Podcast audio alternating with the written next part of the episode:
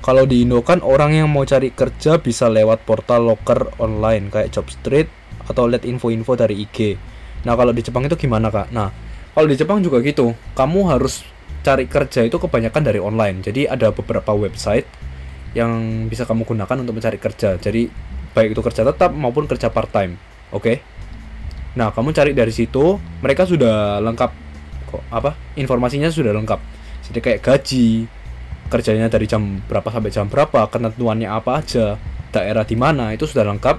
Habis itu kamu tinggal pertama, kamu bisa telepon atau kedua, kamu bisa kirim email ke mereka gitu. Biasanya aku langsung telepon sih, soalnya cepet. Jadi aku telepon. Jadi biasanya di website itu ada banyak pilihannya.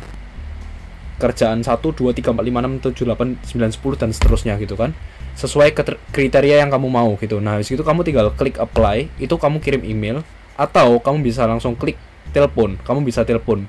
Habis itu mereka bakal tanya, "Kamu bisa interview tanggal berapa?" gitu. Biasanya kayak gitu. Nah, habis di interview kamu baru dikabarin kapan bisa mulai kerja kayak gitu. Itu sebenarnya gampang banget, sok. Cari kerja di Jepang itu gampang banget kok. Gitu. Uh, kalau aku kerja part time itu cepet pasti carinya kayak sehari dua hari pasti diterima soalnya kerjaan banyak banget di Jepang.